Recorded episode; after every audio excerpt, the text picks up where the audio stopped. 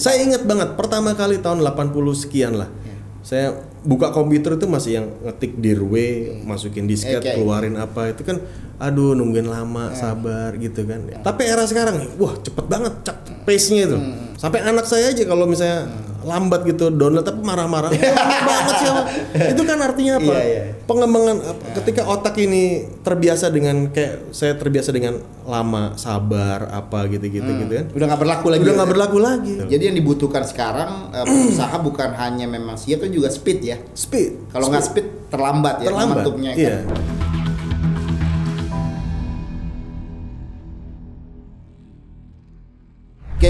Selamat sore, selamat bergabung lagi bersama saya Angga Wira dalam channel Ayo Jadi Pengusaha yang membagikan kisah-kisah inspiratif para pengusaha dan tentunya ini menjadi inspirasi juga bagi anak-anak muda kaum milenial untuk memulai berusaha.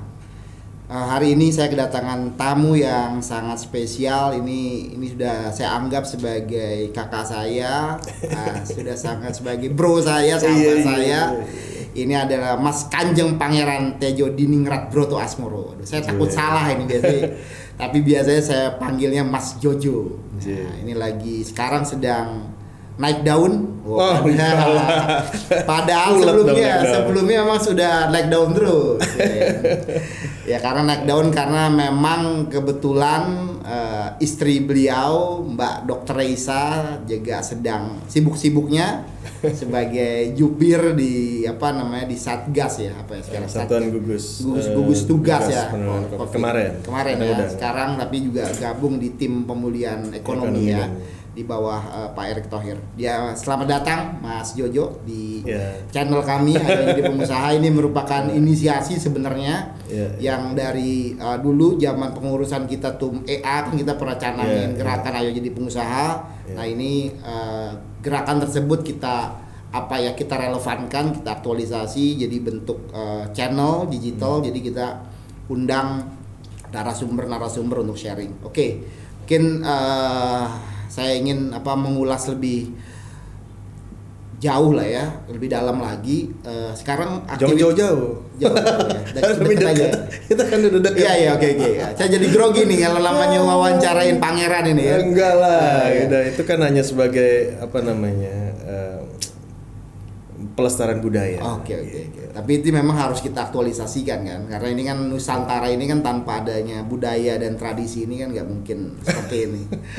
oke Mas Jojo, gimana Siap, eh, sekarang siap. aktivitas eh, bisnis? eh, Ya. Kendala saya kurang gitu update soalnya soal soal bisnis. Tapi kemarin saya lihat di beberapa media di bisnis migas ya.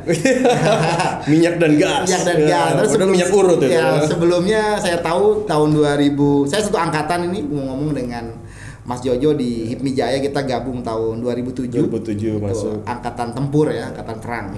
Kita terjebak. Terjebak ya, tapi itulah itu yang membuat kita eh, dekat. Iya. Kalau setahu saya dulu sempat bisnis kuliner ya kan, terus Iya. juga bisnis fitness ya, kesehatan. Iya, iya. Tapi nggak tahu eh, udah IPO atau gimana seperti apa. mungkin mungkin bisa di sharing sedikit Eh. eh, Mas Jojo seperti apa? Iya. Saya kalau ditanya sharing tentang bisnis, ditanya mulai dari mana, saya bingung ya. Mulai dari mana ya? Hmm. Mulainya dari semangat aja. Oke. Semangat kebersamaan, semangat ingin uh, lebih maju gitu ya. Hmm. Bahwa namanya jadi pengusaha itu ya modal awalnya itu adalah uh, semangat. Semangat. Oke. Ketika semangat kita ada, kemudian kita muncul ada ide-ide. Oke. Kemudian uh, muncul ide-ide, kita muncul namanya kita bikin uh, aktivitas. Oke. Aktivitasnya apa misalnya untuk bisa mewujudkan ide kita semangat ada nih. Kemudian kita wah kita pengen jadi pengusaha kayaknya keren, kayaknya enak kayak gitu. Kemudian idenya apa tapi ya jadi pengusaha apa gitu? ya? Eh gampang-gampang aja deh. Apa yang gampang itu misalnya? Orang pikiran ah bikin warung, restoran apa tuh gampang pikirnya gitu kan, oh, cuman masak gini jual. gitu. Nah, kemudian terus bikin jadwal, jadwal itu apa ya? Jadwal eh, belajar masak gitu kan, belajar belanja gimana, belajar bikin menu tuh apa, bikin apa gitu kan. Jadi diselami sendiri. Iya, selama jadi- sendiri. selama ini. Nggak kita bicara tentang konteks pengusaha. Oke. ya. Nggak Mas Jojo sendiri awal jadi bener-bener Ya awalnya gitu. terjun awalnya gitu. terjun semuanya. Iya, terjun gitu. Oke. Terus kemudian oh ternyata susah ya, nggak bisa juga gitu. Itu kan awalnya saya ingat banget waktu zaman masih kuliah tuh, awal-awal semester 2 itu kan Hmm. masih keren-kerennya ini nih dulu roti bakar Edi. Oke, kan. robak, robak. Tempat nongkrong, Iya. gaul, kan jualan cuman roti sama es teh manis kok bisa Milo, Milo ya? Ah, Milo gitu kok Iya. bisa laku banget gitu kan. Ya gitu. Terus kerautnya dari mana ya? Kerautnya dari teman-teman mahasiswa gitu ya, teman-teman apa namanya eh, kuliah pada Hmm. waktu itu. Ternyata ya nggak semudah itu juga gitu. Ternyata terus ya. Yang kelihatan muda tapi nggak muda. Nah, itu muda nggak mudah gitu kan namanya teman gitu. Eh bro, ini gue pesen yang ini ini ini. Habis itu eh sampai ketemu besok ya. Loh, belum bayar. Ya kan? Main pesan-pesan, oh enak, Eh, gimana bro? Wah enak, mantep gitu Iya. kan. Dibayar Tetap cuman, ya, dibayar cuman Iya. dengan kata-kata, wah mantep sih. Ini tempat nongkrong enak nih gitu kan. Terus kemudian lama-lama saya pelajarin dari tempat nongkrong ini pada nggak bayar segala macam. Akhirnya kita bikin market di situ, market bahwa eh, kita bikin community. Hmm. Kita bikin geng-gengan lah zaman dulu tuh, geng mobil lah, geng motor apa. Akhirnya terjadi pasar di situ. Hmm. Jualan pelek lah gitu kan, tukar-tukaran apa namanya? eh aksesoris-aksesoris mobil, motor Iya, apa iya. segala macam. Dengan begitu mereka asik nongkrong, akhirnya mereka beli. Hmm. Kafe saya pertama kali di Barito, namanya Barito Cafe. Oh jadi awal eh, dengan apa ATM ya dengan roti bakar Edi ngelihat lalu, Iya, iya, lalu iya, replikasi iya. bikin Iya, bikin kafe berarti Iya. di kuliner ya. Saya nggak cuman apa namanya amati tiru modifikasi udah Iya. amati tiru amati tiru aja udah. amati tiru. Nggak bisa bikin ini. Nggak bisa- ya kan Caplok aja ya? Caplok aja Iya, udah iya, gitu kan. oke, oke. Waktu itu terus akhirnya bosan waktu itu kan cuman roti, Iya. nasi goreng, minuman-minuman gitu kan. Wah, Jadi pas pas zaman kuliah itu udah langsung langsung udah ada bisnis, aplikasi, udah langsung aplikasi sama teman-teman. Berbisnis ya. Kita berlima lah. Oke. berlima. Di situ juga belajar bagaimana bikin apa namanya eh, ownership ya apa teman-teman owner Hmm. itu kan berantem untung nggak seberapa ya kan tapi ini apa yang berantem apa Tapi udah ada maksudnya waktu itu udah ada kelembagaan yang udah bikin PT atau apa oh atau enggak? enggak, enggak, langsung enggak, gitu aja. enggak, namanya ide kan Gitu. amati tiru amati tiru aja udah nggak ada modifikasinya udah Patungan bikin usaha. Ah, patungan bikin, usaha. gitu ya. Ada yang patungan, ada yang jadi patung beneran, ngapa-ngapain gitu kan. Ada yang mau minta-minta duit doang gitu Oh, kan. ya, minta ada, ada yang jual ide gagasan, Ada yang ada, ada, ada yang ini. Ada yang ya. juga tapi ber- pasti ada yang Nggak ada kita, kita. Oke. kita. Tapi nggak ada nggak ada yang dominan gitu. Misalnya ini lebih banyak atau apa. Oh nggak ada sama sama Sama ya? Semua rata-rata moderat lah. Oke, oke. Modal dengkul dan urat. Pokoknya udah semangat aja deh. Semangat ya. Ya belajar dari situ terus eh, sampai itu eh, di kampus terus kemudian karena asiknya kita nongkrong ngumpul bikin community muncullah jiwa-jiwa organisasi ya kan. Oke. Tapi lulus kuliah kan? Hah? Lulus- Lulus dong. Nggak kirain setelah ngumpul ini. Iya. Lulus secara politis juga. Lulus secara politis. Gitu ya. Kita anak Trisakti Pak. Iya, iya, iya, iya, iya, iya, iya, iya, betul, Gitu. betul, betul. Tapi berarti artinya tetap eh, apa namanya pendidikan juga Oh iya, iya, selesai iya, ya. iya, iya. Selesai. Pendidikan secara akademi selesai, Selesai. tapi pendidikan kuliah yang benar-benar kuliah itu kita jalanin. Oke. Bagaimana hidup di jalanan, Iya. bagaimana kita merintis, Iya. meringis, Eh. merintih dan segala macam. Berarti berarti memang uh, Pak Mas Kanjeng ini kan memang uh, istilahnya boleh dibilang orang tua bukan pengusaha ya. bukan Bukan jadi bener-bener SN. Uh, iya keluarga, keluarga kerajaan ya. Iya kan? Artinya Iya, memang iya, benar-benar iya, iya. uh, memulai gen- istilah bisnis ini Iya. generasi, Iya, Iya, generasi, pertama ya. artinya. generasi orang tua tuh kan dulu kan uh, pengen jadi PNS, Hmm. ASN ya, PNS zaman dulu Iya, ya, iya. kan itu kan suatu wah Kebanggaan ya. Tapi di Tapi nggak komplain pada waktu itu orang tua awal ketika wah ini kuliah aja udah udah apa namanya udah udah nggak jelas lah pastinya Ya, ya. alhamdulillah sih waktu itu namanya orang tua ya, ya support support aja. Hmm. Support lah. ya. selama pokoknya kalau dulu kan yang penting eh, jangan narkoba gitu-gitu. Tapi yang penting lulus, Hmm, alhamdulillah lulus, kuliah waktu itu yang terbaik waktu itu ya, Wah, Sakti alhamdulillah, pada iya, waktu iya, itu. iya. Terus sampai berapa lama akhirnya? Itu Gimana? Kafenya tutup setelah berapa tahun atau gimana? Ya terus akhirnya ya asik organisasi apa segala macam terus akhirnya eh, tutup ya. Kita nggak nggak terusin lagi. Tapi tetap kita namanya ngumpul apa gitu ya tetap aja ada usaha-usaha apa gitu. Usaha pengatikan lah gitu kan. Usaha fotokopi.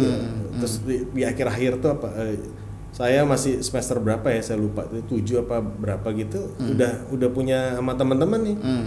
Eh, apa namanya eh, eh, jasa bikin skripsi Wih. gitu pengetikan bukan gue juga yang ngetik Oh, gitu ya. Tapi jasanya. tapi jasanya ya Pak. Jojo bagian market lah. ya. idenya Ya, ah idenya Oke, idenya jadi Jadi setelah lulus kuliah, kafe Iya. tutup, tapi bisnis apalagi? Mungkin ada Iya. beberapa bisnis yang apa ya waktu itu ya paling pada waktu itu ya modifikasi modifikasi mobil ya Hmm, main mobil ya waktu itu ya otomotif terus kemudian ya ikut komunitas terus akhirnya ya jualan-jualan antara Hmm, hmm. Jadi memang kalau kita mau jadi bicara tentang ayo kita jadi pengusaha yang pertama kali itu ya ada semangat Hmm. kedua ide dengan ide-ide itu akhirnya muncul muncul suatu apa namanya eh, gerakan-gerakan baru gitu ah, harus ini oh ini nggak bisa ini harus ini Hmm. oh ini nggak bisa ini gagal oke kita gerak yang ini kayak gitu gitu Jadi untuk sukses itu harus gagal dulu dong. Gak ada kesuksesan tanpa kegagalan berarti kan? Ya itu paket ya Paket menurut ya, paket ya. Di balik kesuksesan pasti ada kegagalan. Di balik kegagalan kalau dia jeli, sebenarnya dia sukses. Sukses, gitu. Sukses untuk gagal sih sebenarnya. Tapi dia harus bangkit Dia gitu. bangkit, iya, Dia harus iya. bangkit. Iya, iya. Karena kalau orang loncat, Ah. itu kalau orang loncat itu kan nggak mungkin dia berdiri gini loncat terus langsung tinggi Iya, gitu. oke. Kadang-kadang kan dia harus ngerangkak dulu, sakit dulu, begitu oh dia sakit. Ketika dia jongkok gini, loncatnya bisa lebih tinggi lagi gitu. Kalau dia sadar, Iya. kan gitu. Ya uniknya yang saya tahu juga dari Mas Kanjeng ini memang apa ya?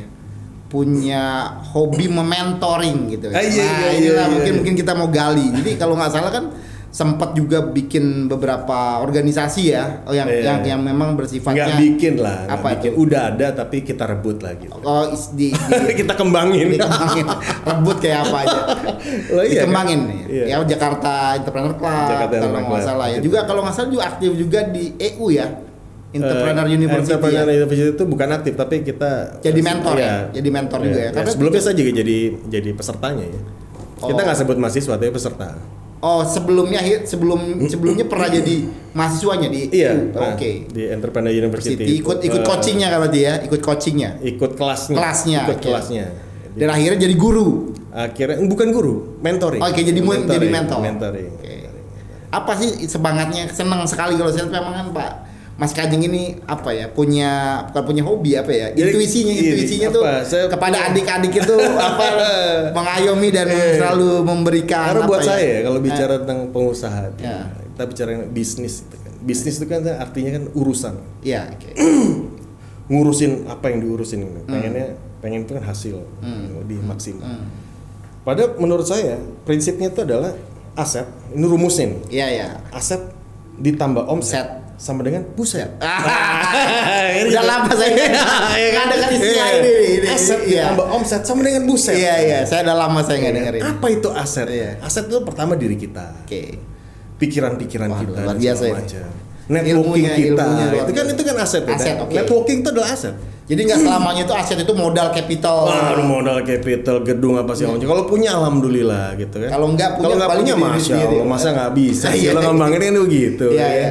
Karena kadang-kadang gini, kita punya aset temen gitu Hmm. ya, aset temen. Apa namanya? eh, kita punya temen banyak yang segala macam. Kita nggak punya modal, tapi kita punya ide. Hmm. Itu teman bisa modalin. Tapi kan perlu perlu perlu cara, perlu waktu juga untuk teman itu percaya. Nah itu gimana caranya nih kan? Nah itu dia, itu dia. Nah. Kita harus bisa dipercaya sama dia. Jadi harus punya integritas, Punya harus punya apa namanya? punya ya. bergaul, Oke. berteman, Iya, iya. apa namanya punya teknik komunikasi yang baik gitu. Kalau kita ngerasa kita nggak bisa berkomunikasi di- baik dengan orang itu gitu gitu misalnya ya nggak usah dipaksain juga gitu. Kita cari yang ya asik-asik aja gitu. Iya, iya. Tapi kadang-kadang kita perlu juga menguji diri kita untuk ada di komunitas yang kita nggak nyaman. Oke. Gitu. Karena ketika Kita nggak nyaman, kita nggak nyaman, kita, itu kan akan memacu kita gitu. Iya. Anjir kita gila, eh gue kok dinyek di sini, Iya, iya. kok gue ini itu kan membangkitkan, ah, Iya. gue nggak bisa deh, gue Iya. harus bangkit, gue harus kayak gitu gitu, Oke. gitu gitu. Ya akhirnya tadi, nah itu kan gabung di HIPMI, kita satu angkatan. Iya, 2007. 2007, terus Terus kita nggak sempet bicara bisnis di awal, Iya. ya kan langsung bicara tentang musda, ya kan, Iya, kubu-kubuan, iya. oh, yang ini punya ini, yang itu punya itu, Iya. ah udah bingung deh kita. ya. tapi ya ya, that's live ya. Iya, Tapi itu suatu hal yang yang memang men, apa dan Tapi karena kita nggak pindah-pindah gerbong pada Iya. waktu itu kita punya integritas Iya, ya kan. iya. Kita punya karakter sehingga lawan itu wah salut wah Iya. hebat juga loh ya. Ini bukan tipe pengkhianat nih. oh di bisnis juga penting ya. Eh, penting dong, Iya. bener. Itu Ada penting. persepsi Ada dari- persepsi. dari- dari- dari- Karena dari dari lawan dan pihak kawan. Hmm. lawan juga kan akan akan bagaimana caranya merayu mengajak kita untuk ikut mendukung dia. Hmm. Ketika persepsinya dia nggak bisa kita terima kan dia kan Hmm. ini apa sih kenapa sih gitu. Terus kalau nggak salah sama-sama kita juga berkarir nih kan satu angkatan juga satu kan balik ke, ke BPP HIPMI kan kita. Iya, iya. Nah, akhirnya waktu itu terus juga kembali lagi HIPMI Jaya untuk maju kan Pak. Iya, Jendral. saya sempat maju Maju itu. jadi calon Salah satu umum, calon. ketua umum tahun berapa tuh ya? 2000. Eh, 2009 apa? Ya, 2010 ya. Apa motivasinya ya waktu itu ya?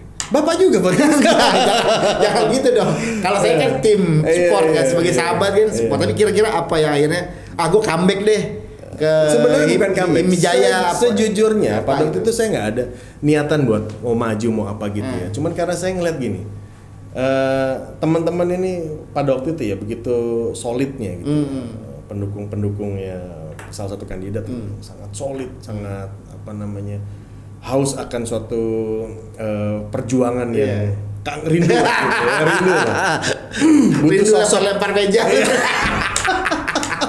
jangan bicara di sini pak Gak apa-apa ini supaya kita buka. jangan bicara yang lempar-lempar meja yang pukul-pukul orang jangan pak kita bicara yang baik-baik di sini Jadi gitu. ada sisi dramatis juga dari Iya, iya. kan supaya teman-teman Oh, tahu iya, juga iya, bahwa gitu. itu bukan Iya. bukan kesannya hura-hura tapi ribut-ribut juga.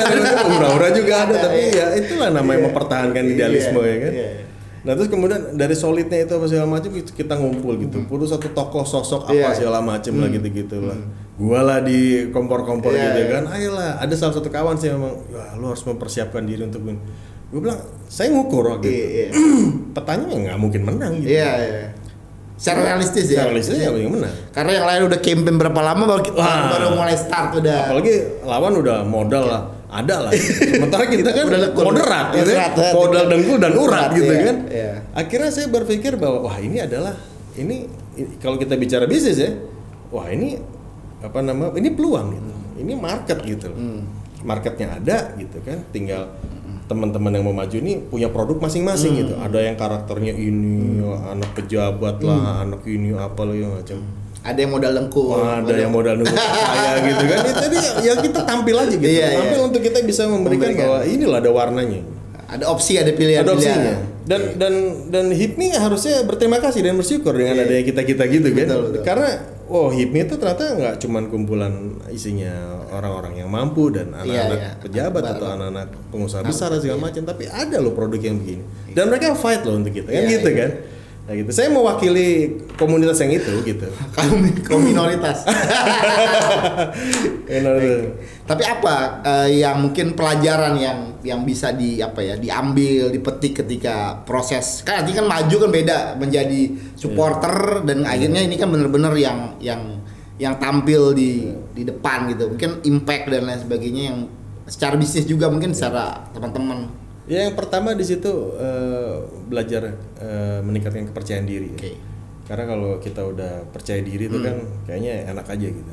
jadi juga untuk bisnis perlu tadi ya Oh, kepercayaan perlu, diri itu perlu, pertama perlu. ya Kita punya ide, kita punya semangat, kita punya modal. Tapi kalau nggak pede, ya ya kan akhirnya ya cuman jalan-jalan di tempat aja gitu. Jadi sebenarnya tuh eh, kalau di- kita bisa percaya diri, ya kita mau berhadapan dengan siapa pun itu ya oke aja gitu ya. oke, Seperti oke. di HIPMI Oke, kan iya. kadang-kadang persepsi dari kita luar harus kan. open minded kita harus Iya. open minded bahwa kita oke oke oke saya saya kalah gitu Iya, iya. saya nggak bisa menang saya ini dan itu juga lawan kita menang juga nggak mudah loh itu Iya iya iya iya. iya. Dua putaran juga kan. ya dua Iya. putaran gitu loh Iya iya. iya. ya ibaratnya bukan berarti kita kalah gitu Hmm, kan tapi kita, saya prinsip saya tidak ada istilah kalah Hmm, saya menang atau saya dapat pengalaman saya dapat pengalaman yang sangat berharga ketika Hmm. kita harus negosiasi bagaimana saya mengkonsolidasikan teman-teman yang sedikit itu gitu ya Iya kan? tapi bagaimana Solid. bisa solid Iya. sampai terakhir pun juga terus kita harus melimpahkan suara ke mana itu belajar negosiasi iya, iya. bagaimana berbicara dengan Hmm. apa namanya eh, calon-calon yang kira-kira nanti dipersepsikan akan menang dan segala macam kemudian bicara juga dengan para senior-senior yang pada waktu itu kita juga waktu itu kita masih junior kan Iya, ya. iya. kita nggak kenal kita nggak tahu. Ya orang kan memandang itu gitu. Tap- Ya dan setelah itu ya apa da- ada impact positif ya tentunya ya. Ya, Ya, pada ya. kepada ya ma- impact positifnya ya mereka akhirnya berpikir wah di belakang saya ada Hmm. sekian puluh orang itu sekian ratus orang itu gitu loh. Padahal memang iya gitu. Oke, ya. setelah setelah di HIPMI terus juga sampai di BPP dan mungkin eh, kalau melihat sekarang ya eh, Mas Hmm. eh, Mas Kanjeng dengan mungkin situasi COVID-19 ini gitu loh.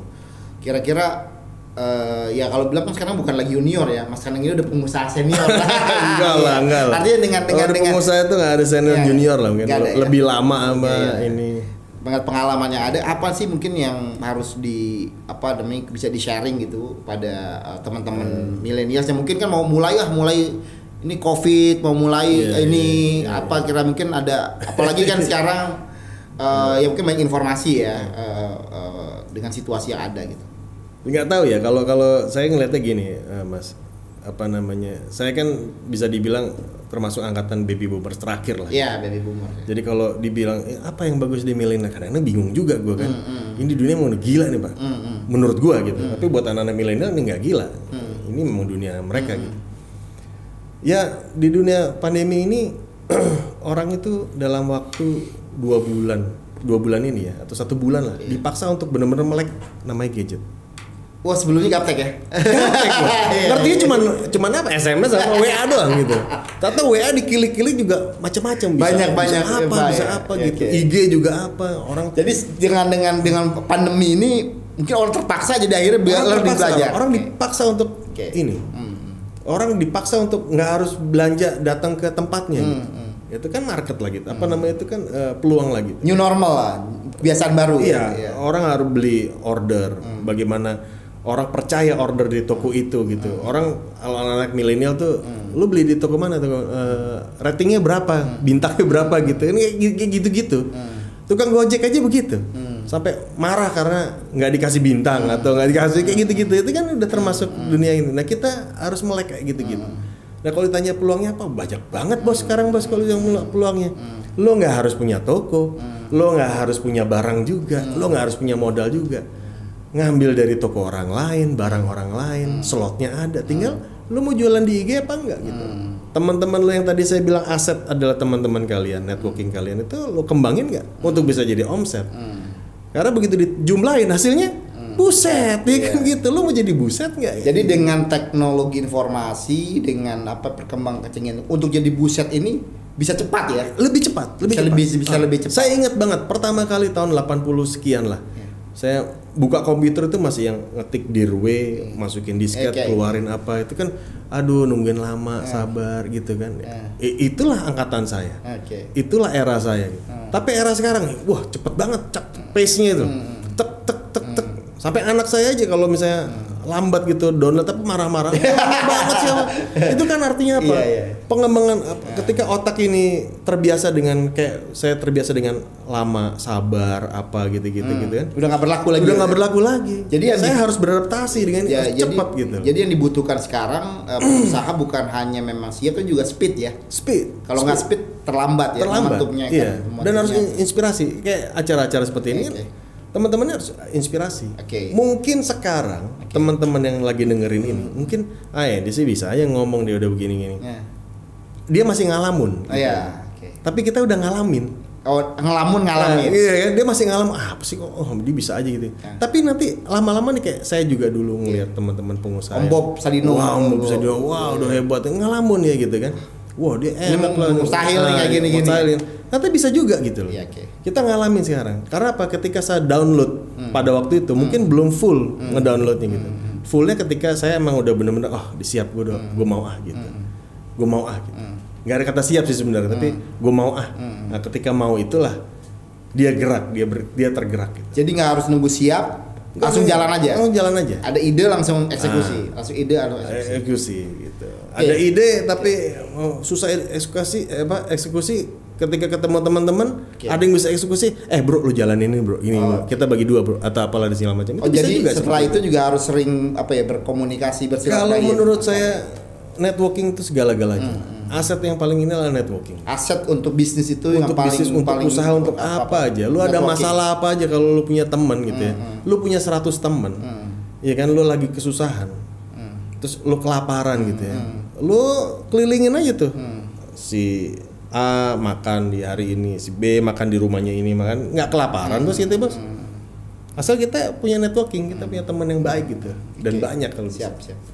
Ada istilah kan bilang di balik kesuksesan suami itu ada istri yang mendukung. Ah, iya, iya, iya, iya, iya, iya. Sekarang kita lihat eh, mungkin mungkin tiap hari kalau kemarin ya Mbak Dokter Reisa ini kan Iya, iya. sedang ya bukan bilang naik naik daun ya tapi artinya eh, sekarang Booming lah, booming, booming. Eh, sedang menjadi apa ya eh, Buah bibir. buah bibir inspirasi dan Bicara. mungkin eh, pasti nggak lepas dari sang apa ya ke sutradara ya oh paling kan yang memberikan Enggak, enggak, konten enggak, enggak, apa enggak. segala macam kan pasti eh, Mas Kanjeng lah dan juga mungkin itu kan juga istilahnya dengan eh, kekuatan Mbak Reisa sendiri kan artinya juga memudahkan juga ya bisnis apa dan lain sebagainya itu gimana Iya. Mas Kanjeng juga support secara langsung atau Kita sih support, saya support, saya support 100% lah, 1000% bahkan gitu. Dan Buat saya eh, beliau, oh beliau ya.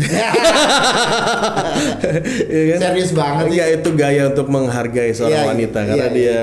Udah Memang ini. melahirkan, menyusui, membesarkan anak-anak segala macam Nama gitu. karakter womanizer dari Pak Kanjeng ini nggak nggak bisa berubah ya walaupun mungkin udah udah di atas 40 sekarang usia iya, tapi iya, tetap tetap sebuah jiwa muda Iya, terus iya, ya kan. iya, iya, iya. Ya gimana tuh kira-kira dengan dengan tentunya juga ya kesibukan istri juga makin Iya. ma- meluas tapi kan juga ini kan juga demi ya situasi sekarang Iya. kan dan mungkin di ya, negara butuh ya sosok yang untuk bisa apa ya mungkin edukasi kali ya Iya, memberikan memberikan banyak apa namanya eh, pengetahuan ya buat masyarakat kan dengan situasi seperti ini. Saya sih sering sering Hmm. apa waktu untuk sharing sama istri saya gitu.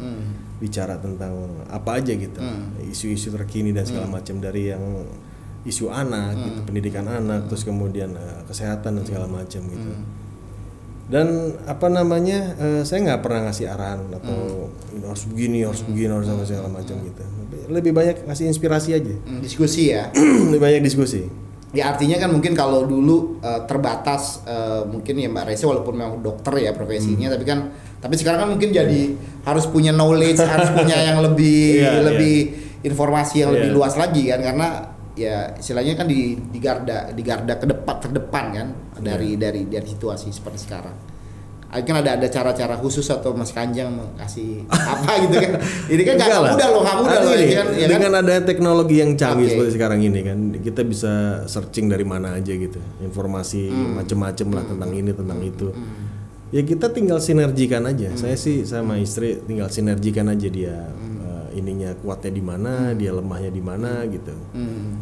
Dan eh, dia pengen taunya tentang apa gitu Hmm. kan. Ya, Saya punya kekuatan teman-teman gitu kan yang bisa bantu dan segala macam. Dia juga seperti itu. Hmm. Ilmunya dia kedokteran sama ilmunya saya kan ya beda juga kan. Kita ilmu jalanan kalau kita deh. gitu kan kita harus paham. Iya, iya, betul, Kita betul, harus paham juga. Karena kan di, di apa di problem ini kan kadang-kadang ilmu yang di kertas beda dengan ilmu yang ada di, Iya, ada di iya, lapangan iya, seperti itu. iya. Bahasa-bahasa biasanya sih masalah bahasa-bahasa gitu. Supaya menjadi cerna ya. Iya, bahasa yang mudah dicerna oleh masyarakat tuh apa sih mas gitu. Kadang-kadang kan kalau kedok bahasa kedokteran kan beda juga gitu ya. Eh, Bicara tentang eh, obat atau penyakit, cara menyapa pasien aja gitu kan beda gitu. Sama kita yang jadi pasien gitu. Oke. mungkin mungkin ini terakhir Mas Kanjeng ya. Eh, tentunya sebagai orang yang berdarah biru ini kan. Oh iya iya iya. kan iya. dibahas mungkin dibesarkan dengan Iya. dengan tradisi apa namanya Iya. Budaya yang budaya kental. kental dengan keraton tapi di sisi lain juga apa tadi saya lihat memang ya apa ya eh, hidupnya down down to earth kan. Nah itu gimana tuh? Eh, ya mungkin bisa cerita sedikit lah. Masa kecil. Kan ini kan nggak Eh. seperti kalau di kita kita lihat di berita-berita kan mungkin wah Pangeran Solo Ah, iya. kayak berdokter Esa kan banyak yang nggak tahu kan. Mungkin Iya. kan di kesempatan ini kan Iya. akhirnya kan terbuka juga. Sosok sahabat saya ini yang orangnya low profile orangnya memang ya boleh dibilang apa adanya dan ya apa ya boleh dibilang tadi selalu selalu jalanan tapi jalanan yang intelek gitu loh yang ada yang ada konten Iya. gimana tuh Mas Jojo eh, mengeramunya gitu Waduh, nggak tahu ya kalau Nah. saya tuh nggak pernah ngeramu-ramu gitu. Cuman saya ini aja ya, apa namanya, jalanin aja apa adanya gitu.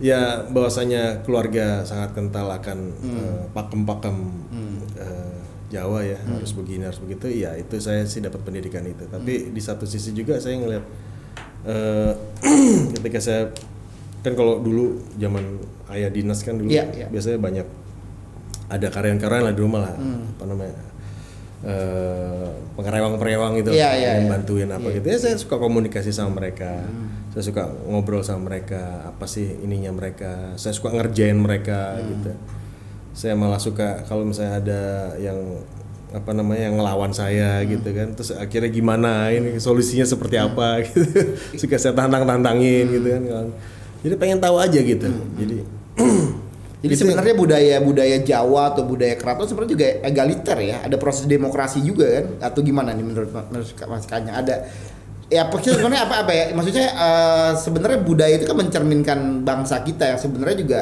terbuka, moderat gitu loh. Eh, bicara masalah itu sih sebenarnya menurut saya ya, akarnya Nusantara itu kan memang eh, kerajaannya. Iya, iya. apa namanya eh, monarki. Hmm. ya ketika sekarang jadi demokrasi itu ya akhirnya eh, demokrasi yang Nusantara gitu ya seperti ini gitu. Ya seperti ya kita lihat lah deh ini ini pandangan saya pribadi apa lah ya, ini kan sebagai Dari Soekarno Iya. Soeharto terus kemudian masuk eh, era reformasi lah. Ya, masuk era reformasi yang pada waktu kita ikut dalam situ. Ketika reformasi ya akhirnya begitu juga gitu. Dan memang ketika kerajaan menurut saya ya ketika kerajaan-kerajaan di Nusantara ini sekarang eh, berubah menjadi partai-partai gitu menurut saya. Oke, jadi transformasi ada kelompok-kelompok. ya. oh ya jadi partai-partai gitu kan punya DPC, DPW, apa DPD dan segala macam. Raja-rajanya ya ketemu-ketemu itu gitu. menurut saya ya. Jadi gitu ya. Jadi kalau dibilang apa namanya eh, mau demokrasi itu ya benar-benar ya susah ya. Ya beginilah Ya, demokrasi cara Nusantara ya begini gitu. Jadi emang sebenarnya ya Indonesia sendiri sudah punya karakter demokrasi yang khas juga ya. Yang khas seperti yang ini, khas gitu. ini. dan kita yakin bahwa ini juga bisa menjadi menjadi kekuatan bangsa kita juga dong. Iya, harusnya begitu. Oke Mas Kanjeng ini pertanyaan terakhir ya dari Ini terakhir dari yang terakhir. Terus, Iya. karena menarik kalau bicara sama Mas Kanjeng ini nggak satu jam nggak mungkin nggak mungkin. Maksudnya setiap kita digali- jalan ngobrol tuh mesti lo rekam ya. Iya, banyak yang digali tapi mungkin eh, apa ya eh, istilahnya eh, kalau boleh dibilang kan situasi sekarang ini sulit ya. Nah, Iya. makanya punya prediksi-prediksi nggak kira-kira ini sampai Waduh, kapan, waduh. gimana? Ini kan penting karena kan Aduh, iya iya iya.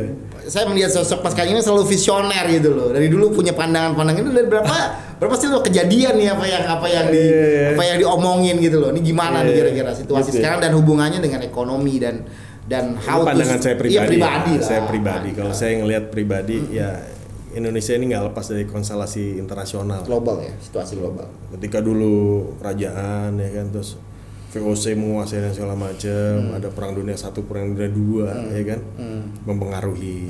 Gitu. Terus kemudian eh, waktu itu juga zaman Pak Harto, Pak Harto ya, Iya, iya, 98. 98 krisis moneter Global, ya? eh, global juga kan gitu. Terus kemudian ya sekarang ini juga saya ngeliat sih dampaknya untuk dalam krisis inter, apa dia eh, pandemi ini ya, ini kan internasional juga. internasional, internasional. kita harus hati-hati, kita harus hati-hati, hati-hati dan katanya ya eh, eh, kalau kita bicara konteks Indonesia ya memang harus siap-siap nih kalau misalnya kenapa-napa nih.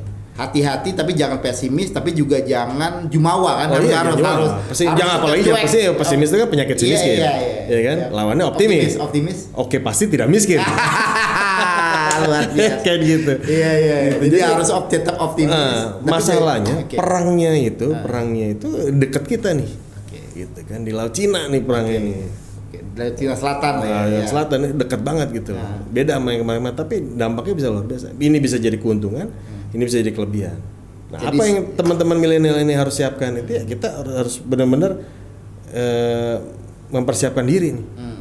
Gimana caranya mempersiapkan diri detailnya nih? Ah, pertama, Eh. ya, ketuhanan yang maha esa. Oke. yakin dong, bener dong. Itu kan yakin. Oh, iya dong, Tuhan yakin, yakin, Tuhan yang Maha Esa. Harus harus harus yakin. Oh iya dong. Kedua, Iya. kemanusiaan yang adil yang berada. Oke. Oh. Jadi Pancasilais gitu. Nggak apa-apa itu memang kan uh, sumber ya sumber. Iya. Tapi Kemudian ketiga Oke. gitu kan, persatuan Indonesia. Ya, persatuan Indonesia ini benar-benar kita harus bersatu bener gitu. Hmm, Bagaimana dulu waktu belum jadi NKRI ini benar-benar namanya Jong Java, Jong Jawa, Jong apa, Jong benar dipersatukan gitu. Harus bersatu gitu. Hmm. Menyatukan persepsi, menyatukan eh, semangat, menyatukan apa. Ini yang yang saya Ya mungkin pada waktu itu apa ya eh, tujuannya masih sama sehingga orang bisa bisa Ya, ini bersatu. kan bisa. mungkin. Kalau dibilang Apa tujuannya namanya, sama. Eh, apa eh, eh, ya mm, istilahnya masih egaliter lah. Mungkin kalau sekarang karena ada perasaan oh, lu udah begini lu udah dapat ini jadi nggak bisa bersatu. Ah, gitu. itu dia makanya harus dikasihin Acu tuh bahwa eh, isunya kan harus kita di- dibikin gitu. Dibikin tuh misalnya kayak dulu pengennya merdeka. Hmm, ya ya ada, ada ini sama tujuan yang Kalau sama sekarang lah. tujuannya sama mau apa? Ya kita mau bebas covid ini gimana? Oke. Ya harus bersatu sama-sama Oke, gitu. Lu alihnya apa? Lu bisanya apa? Lu bisa apa? Oke bersatu ya segala macam. Ya ini peran pemerintah sih. Gitu. Yang baru keempat, yang kelima. Eh, empat belum. Ya Pak lupa. Rakyatan saya langsung lupa. Saya kira, saya kira Bapak lupa. Musyawaratan dan perwakilan gitu.